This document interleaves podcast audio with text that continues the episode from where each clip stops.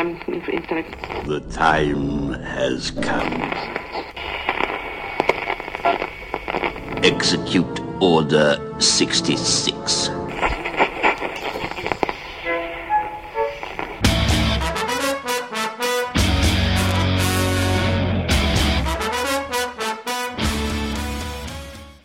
Witam serdecznie w 66. odcinku podcastu Radio SK. Kiedyś mm, zaplanowałem sobie, że raz na jakiś czas, jednak w miarę systematycznie, będę w tym podcaście wracał do tematyki najstarszego syna Stephena Kinga, Joe Hilla. I rzeczywiście, zrobiłem jeden odcinek ogólny, jeden na temat opowiadania z antologii 15 blizn i co miesiąc mówię o nim kilka słów w podsumowaniach wiadomości z martwej strefy. Ale konkretnych recenzji nadal tu jak na lekarstwo. Z książkami nie jestem na bieżąco.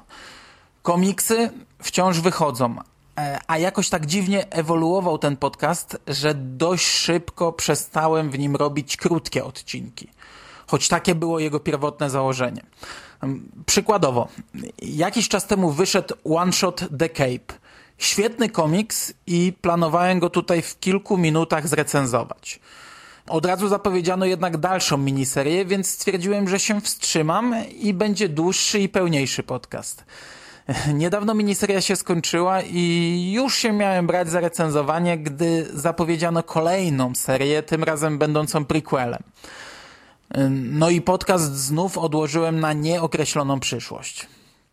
Jakoś tak ostatnio się utarło, że odcinki Radia SK są w przedziale czasowym między 20 a 30 minut, a nawet jeśli schodzę poniżej 20, to nieznacznie.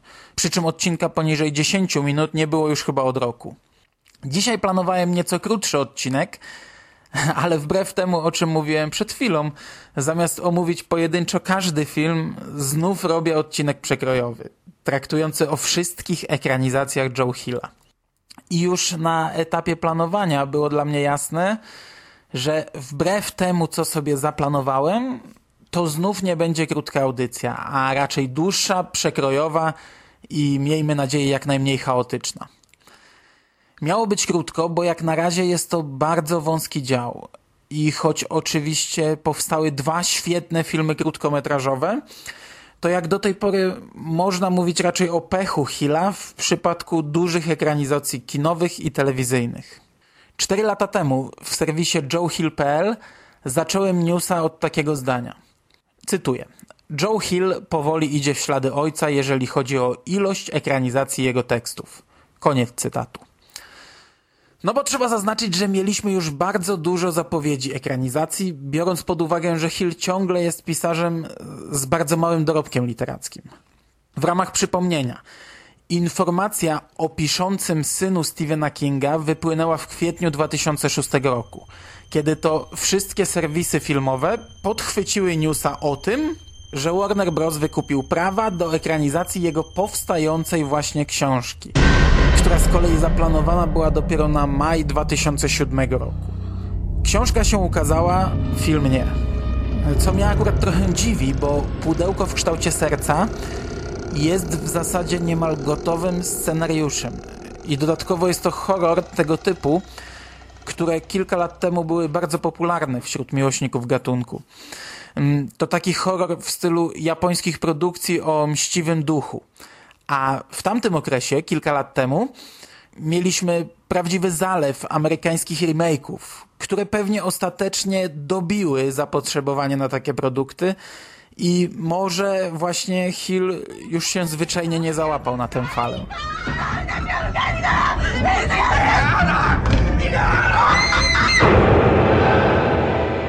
John.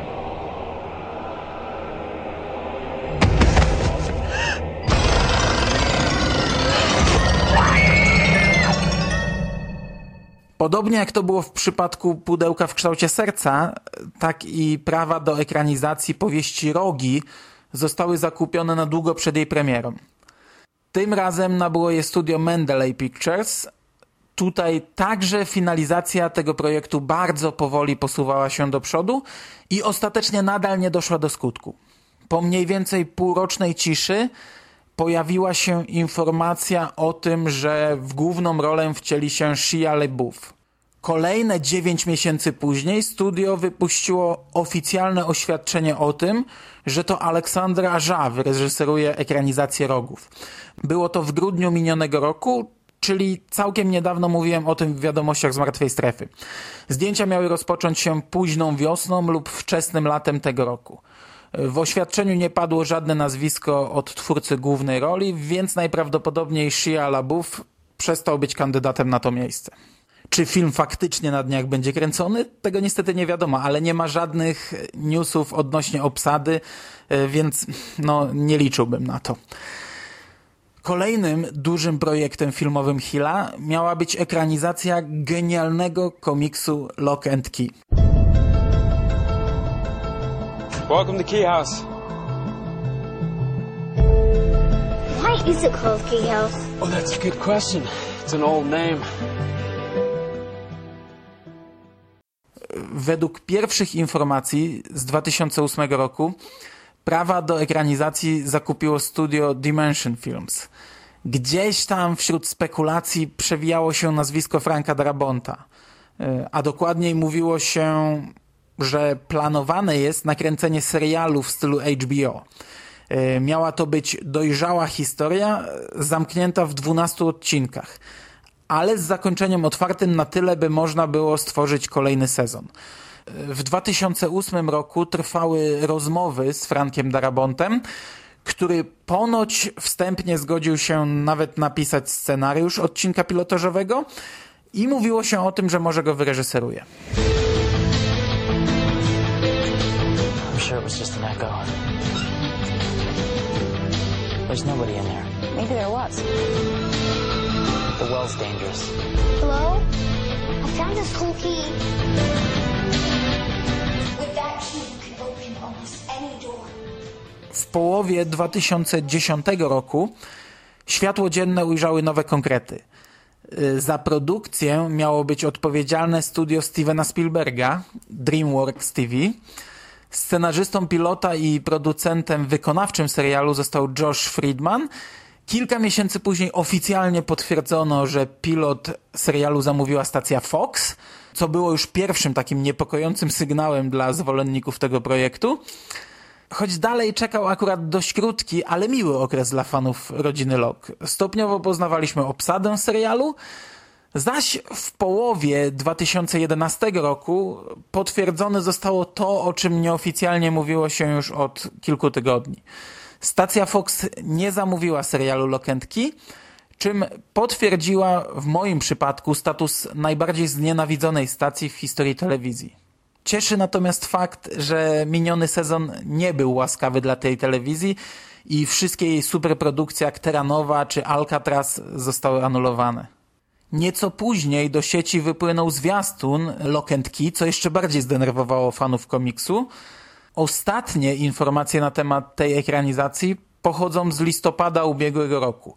Hill, Rodriguez i twórcy pilota cały czas promują go na dużych konwentach, yy, szukając ewentualnych zainteresowanych produkcją. Ja przypominam tylko, że Hilla już od dwóch lat próbuje się ściągnąć do Polski i przed rokiem wykręcił się właśnie tłumacząc pracą na planie serialu, który jeszcze wtedy nie dostał czerwonego światła. W listopadzie natomiast e, pojawiły się informacje, jakoby szef stacji MTV był zainteresowany kupnem serialu Key. Nic z tego nie wyszło i na chwilę obecną w temacie jest cisza.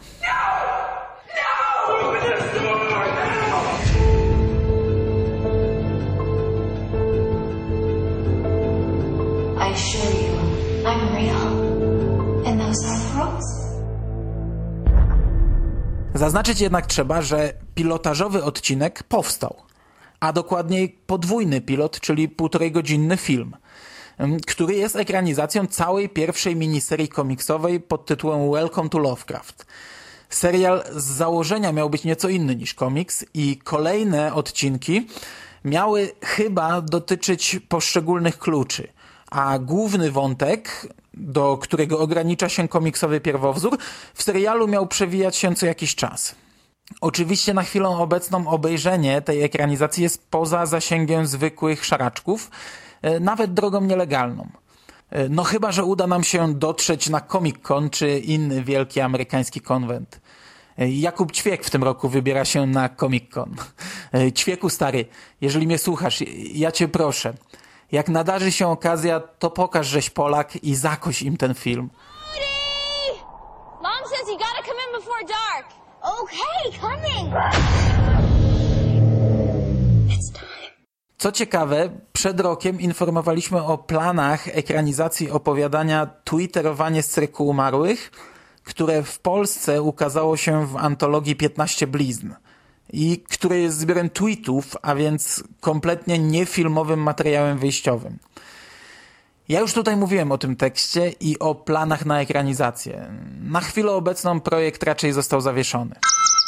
They're coming to get you, Barbara. They're coming for you, Barbara. Ostatnią pozycją w tym przydługim wstępie, która także nie doczekała się realizacji, jest serial The Walking Dead, oparty na popularnej serii komiksowej Roberta Kirkmana. Przypominam, że Joe Hill wspólnie ze Stephenem Kingiem mieli napisać scenariusz jednego z odcinków The Walking Dead. Najpierw mówiło się o drugim sezonie, ale że obaj panowie byli zajęci, stanęło na serii trzeciej. Niestety kilka dni po ogłoszeniu tych rewelacji z serialu wyleciał jego twórca, Frank Darabont.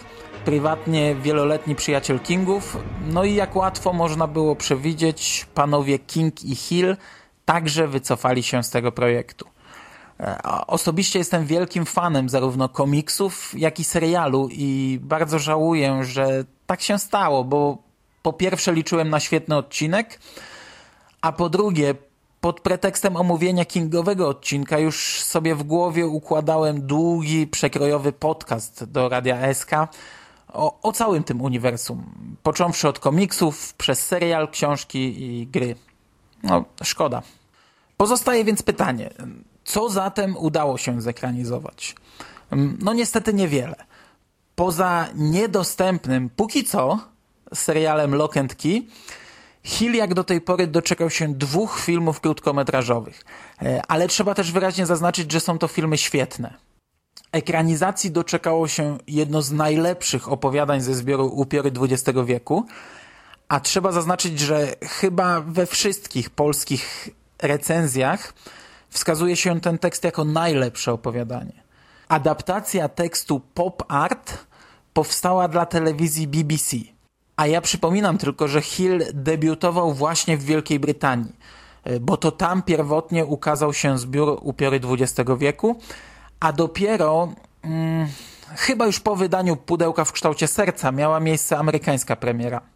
Za scenariusz i reżyserię pop art odpowiedzialna była Amanda Boyle, Krótkometrażówka miała swoją premierę na Austin Film Festival, w którym zdobyła nagrodę, po czym przez tydzień była udostępniona na stronie BBC. Obecnie nie ma możliwości, by legalnie ten film obejrzeć, chyba że udamy się na jakiś niszowy festiwal filmowy w Wielkiej Brytanii. Można jednak dość łatwo znaleźć go w serwisie YouTube. Mm, film jest bardzo dobrej jakości, plik podzielony został na dwie części i nałożono na niego hiszpańskie napisy, ale to nie przeszkadza w oglądaniu. Pop art to jest dość dziwna historia plastikowego, nadmuchanego chłopca. Każda próba streszczenia tego tekstu nie odda tego, co w nim najpiękniejsze, bo każda taka próba będzie brzmiała absurdalnie. W szkole pojawia się nowy uczeń, który cierpi na dość dziwną chorobę, a mianowicie jest z plastiku i jest nadmuchiwany. Nie umie mówić, no bo nie ma ust. Może tylko pisać wiadomości. Chłopcy znęcają się nad nim, rzucają w niego pineskami, podbijają go w powietrzu i takie tam typowe dokuczanie. W, w końcu, który plastikowy dzieciak nie spotkał się z tym w szkole? E, nasz bohater natomiast zaprzyjaźnia się z największym szkolnym obuzem i opowiadanie Hilla jest opisem tej krótkiej przyjaźni. Naprawdę ciężko jest jakoś zareklamować to opowiadanie, bo brzmi to zwyczajnie kretyńsko. Ale cholera jasna, no wszyscy recenzenci nie mogą się mylić. Pop Art jest wspaniałym opowiadaniem, przepiękną historią i absolutnym przejawem geniuszu literackiego Joe Hilla. Chuck Yeager flew so high he almost fell through a hole in the sky into space. To Toby, love from the Ross. What's this?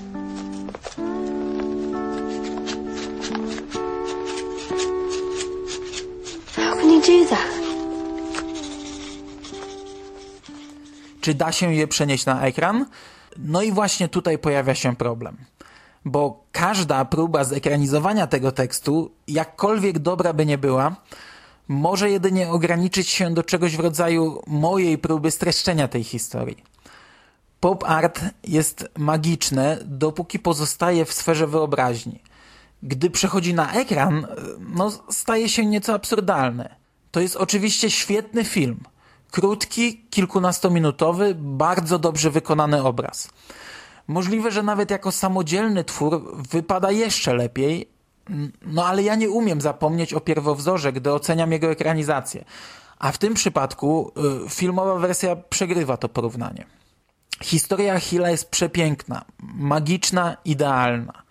Film Amandy Boyle jest tylko dobrym przekonwertowaniem jej na nowe medium.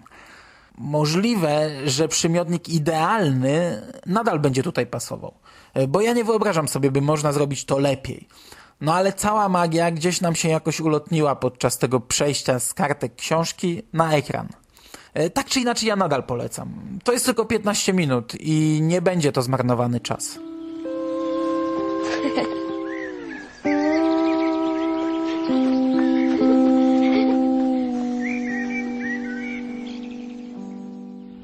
Drugą ekranizację Hilla wyreżyserowała studentka Dorothy Street, która przeniosła na ekran kolejne opowiadanie ze zbioru Upiory XX wieku. Tym razem tekst pod tytułem Synowie Abrahama. Film trwał 16 minut i trzeba przyznać, że choć jest to nieco bardziej amatorska produkcja niż pop art, to autorka poradziła sobie z tym materiałem doskonale, tworząc świetne widowisko. In this country, I'm sometimes so lonely.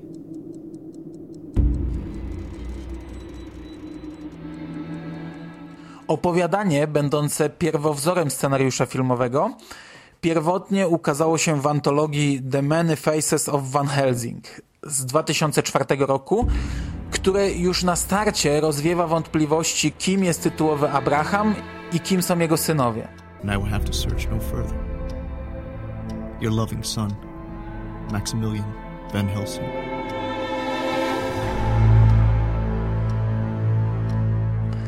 Zresztą Hill już na pierwszych stronach opowiadania podaje nazwisko chłopców, e, bo niby czemu miałby tego nie robić, skoro opowiadanie powstało do antologii tematycznej.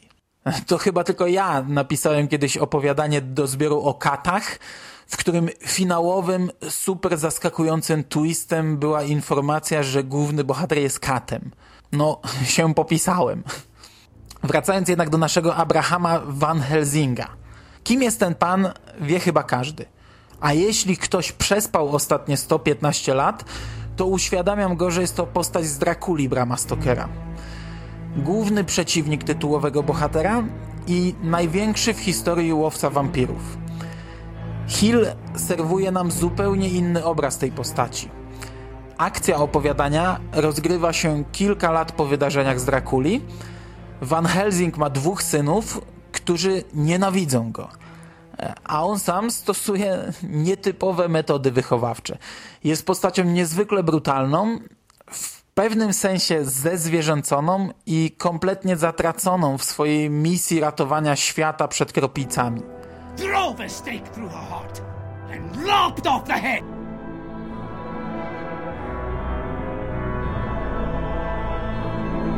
Father. Father. Father! Nie chcę za bardzo wgłębiać się tutaj w fabułę, ale to opowiadanie, pomimo niewielkiej objętości, zawiera kilka niejednoznaczności i kilka całkiem fajnych pytań bez odpowiedzi. Otwarcie nie jest tutaj powiedziane, czy nasz bohater przypadkiem nie zatracił się w swoim fachu. No i nie zaczął dostrzegać i zwalczać wampirów tam, gdzie ich nie ma. A Hill zostawił to do indywidualnej interpretacji czytelnika, co jest dla mnie świetnym pomysłem na takie skrzywienie tej postaci. Stokerowy Van Helsing był wzorem cnót, przeciwieństwem wampira, z którym walczył. Stał się pierwowzorem wszystkich kolejnych pogromców wampirów i w kreacji każdego późniejszego filmowego czy książkowego bohatera zajmującego się tym fachem pobrzmiewa gdzieś echo Abrahama Van Helsinga. Joe Hill wypaczył tę postać. Przedstawił ją jako szaleńca, kompletnie zatraconego w tym, co robi, niszczącego siebie i własną rodzinę. Drive it in. Here, to the hilt.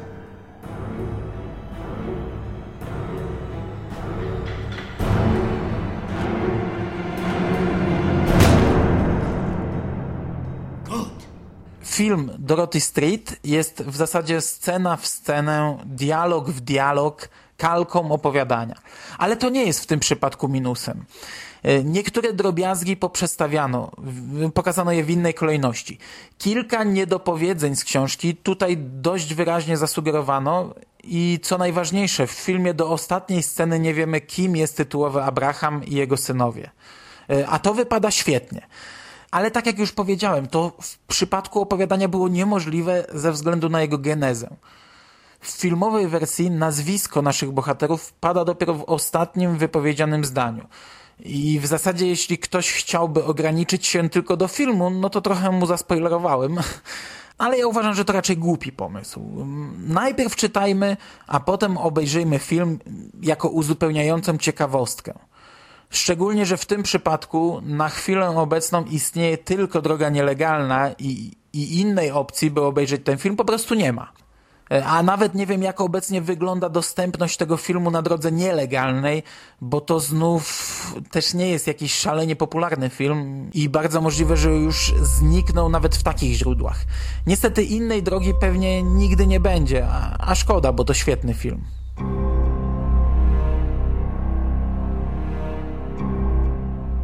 Co ciekawe, opowiadanie Hilla ukazało się też w antologii By Blood We Live, której zarówno okładka, jak i logo tytułu imituje jeden z moich ulubionych filmów, a na pewno moją ulubioną serię filmów o wampirach.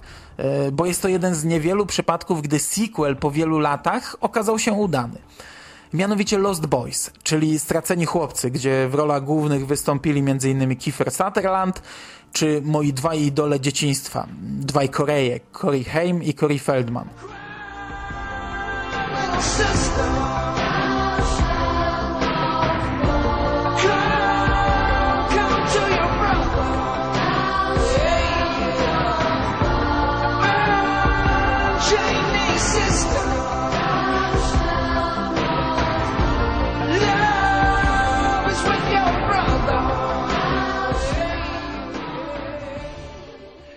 A jako, że zaczynam już całkowicie odpływać od głównego tematu podcastu, to na tym pozwolę sobie zakończyć. Y, polecam obie ekranizacje, a przynajmniej do czasu nim ćwieku zakosi dla nas kopię Key na Comic Conie, bo wtedy już tylko to będę pewnie do końca życia polecał.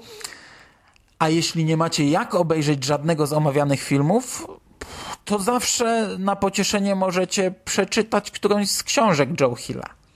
Możecie łapać w ciemno. Każda jest świetna. Ale na lato szczególnie polecam jego najlepsze jak dotąd dokonanie na tym polu, czyli rogi.